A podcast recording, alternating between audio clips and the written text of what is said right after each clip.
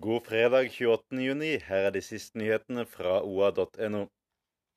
Ved midnatt tok det fyr i en tørke inne på fabrikkområdet til Hunton i Gjøvik.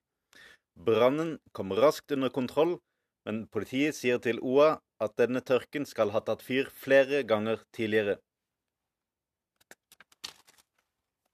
Også i Fall i Søndre Land har det vært brann i natt. Her var det en båt i opplag på Holmen brygge som brant fullstendig opp, ifølge politiet. I Krokveien i Gjøvik har beboerne i lengre tid ønsket seg asfalt i gata. Etter en lang prosess og spleiselag med kommunen kom asfalten på plass, men det viste seg at det var blitt gravd dype grøfter i veikanten der beboerne hadde hatt parkering for seg selv og gjester i alle år.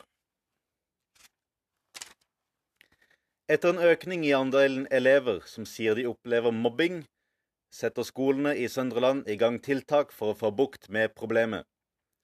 Tallene gir grunn til bekymring, sier rektor Håvard Eriksen på Fryal barneskole. Og så er det tid for brun sneglenytt igjen.